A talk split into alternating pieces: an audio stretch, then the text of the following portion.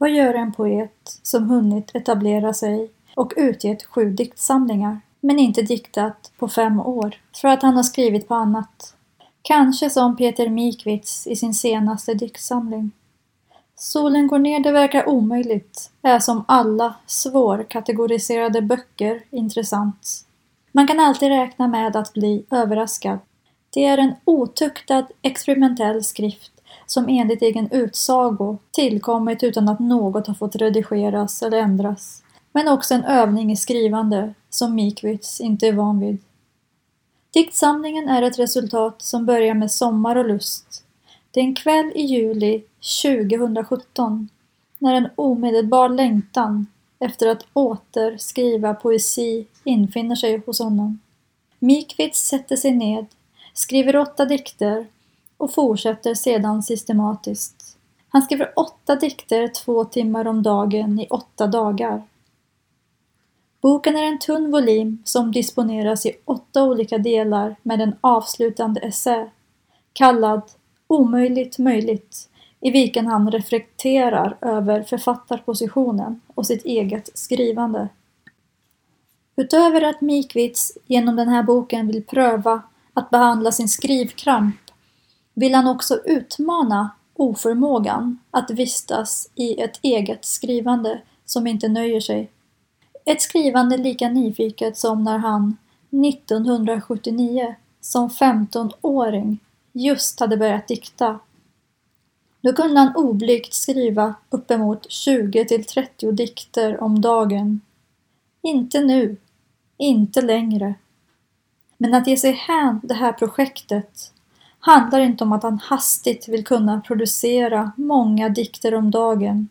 Nej, för att inte stelna och för att hitta nya former behöver han minnas barnablicken. Mikvis räknas idag som en av de främsta samtida finlandssvenska poeterna. Han debuterade 1991 med diktsamlingen I ljuset och har sedan dess utgivit en rad diktsamlingar, urvalsvolymen Ett paradis av glas och därtill ett flertal kortprosa och essayistiska böcker. Han är också verksam som översättare och har fått en femårig utmärkelse som konstprofessor. Mikwitz arbetar med upprepningar och har sedan debuten varit intresserad av namn för att med diktsamlingen Där paradiset återstår av paradiset som utkom 2007 också intresserat sig för ordlekar.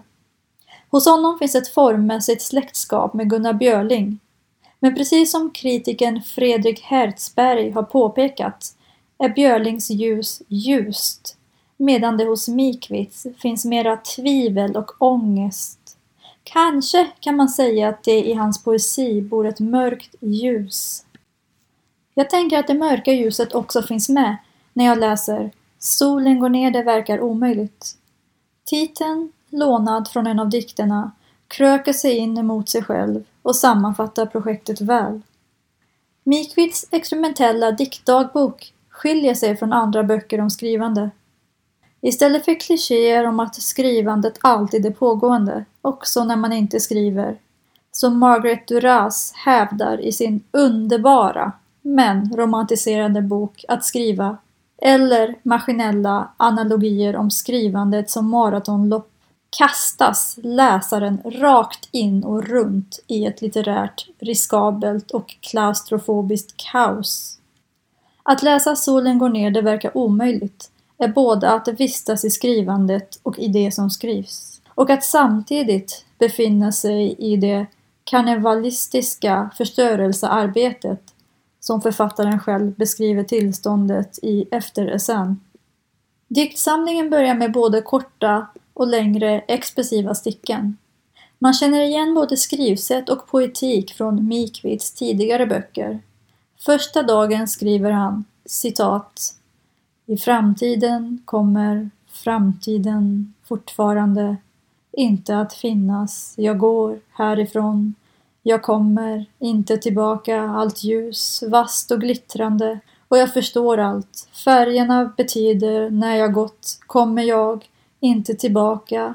Vart jag än går är det från och med nu. Slutcitat. Det är så Mikvits dikter i denna bok låter, flytande och liksom lätta i sin stundtals avskalade form.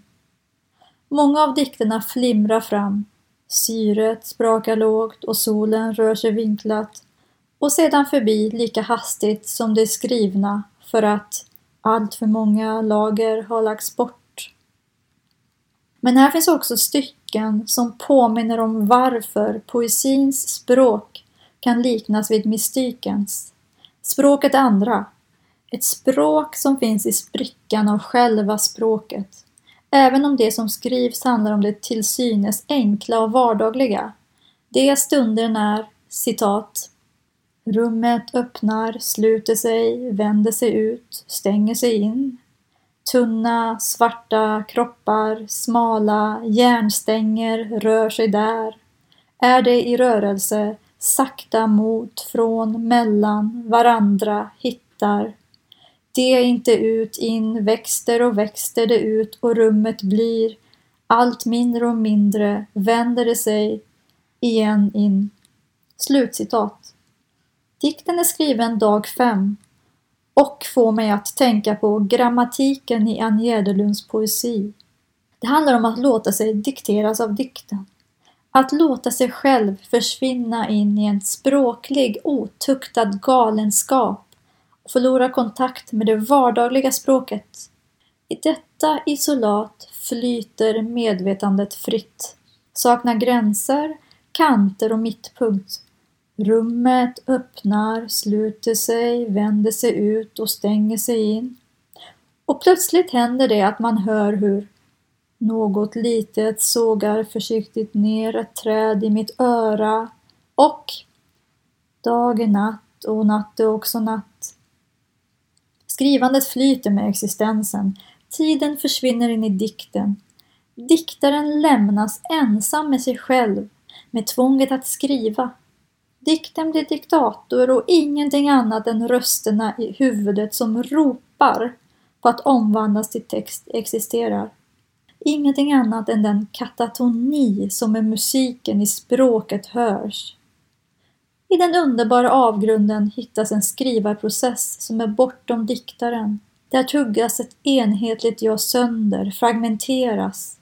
Framträder gör diktrösten. Ofta är det en inbunden röst Betryckt och bräkligt rör den sig från sida till sida medan en ändlös sommar rör sig hotfullt längs med horisonten. Och visst kan man marschera och dra raka linjer i landskapet, visst göra runda ansikten, välja färger och skratta rätt. Jaget adresserar ibland ett du som kunde ha gett en förklaring och sedan gått. Ett du som kunde ha sagt vi ses nästa sommar. Och ibland ett vi som är upp och nedvända för oss. Och på väg över slätten utan slut. Lika fragmenterat som jaget är, lika oklart är det om det du och vi som adresseras är någon eller några som finns nära jaget eller om det är jaget självt men det intressanta är jaget och den väntan som skrivandet innebär. Hur den som inte skriver alltid behöver vänta på den skrivande. Denna någon är här antingen jag själv den andre eller en annan jag själv. Den klaustrofobiska känslan gör att dikten sin luftiga form till trots tycks vara rummets fånge. En tjock och osynlig vägg finns mellan texten och världen. Fragmenterade röster hörs från andra sidan väggen som ett tecken på att poeten fortfarande lever och skriver på sitt experiment.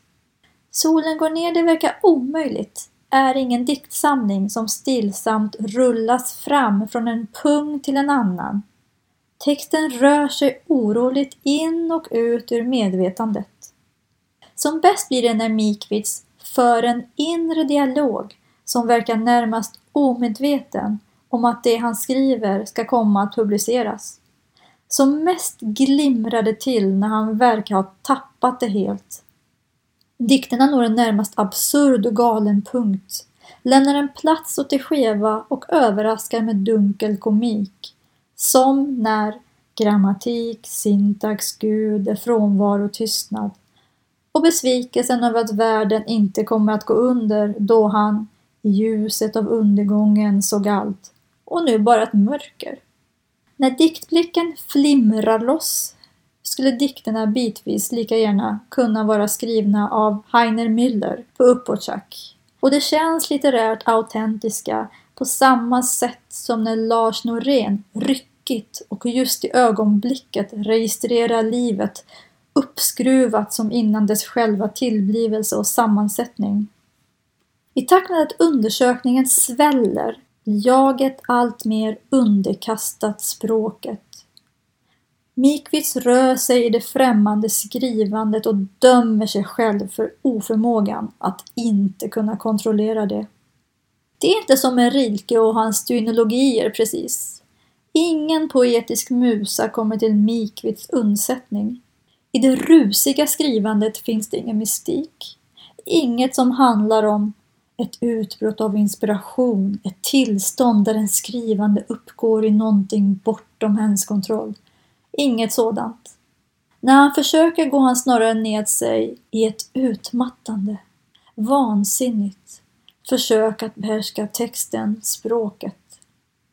För en poet som förutskrev 15 dikter om året, högst, ska det snart visa sig att projektet som började med lust slutar med utmattning. Aldrig blir det så tydligt som när man läser denna experimentella diktdagbok att skriva är en ensam syssla. Men framförallt att, förutom det orealistiska i tanken att skapande skrivande vore arbete i ordens konventionella bemärkelse, bör skrivandets villkor belysas lika entusiastiskt som processen. Annars befäster man ytterligare romantiseringen av konstnärsgeniet. Jag inbillade mig först att recenserandet av den här boken skulle fungera smärtfritt. 108 sidor om skrivande, ett språk som är lättsamt men stundtals vackert och en essä som håller en hög nivå utan att vara för akademisk stiltig och insyltad. Projektet väckte mitt intresse, men läsningen lämnar mig med något mer att önska.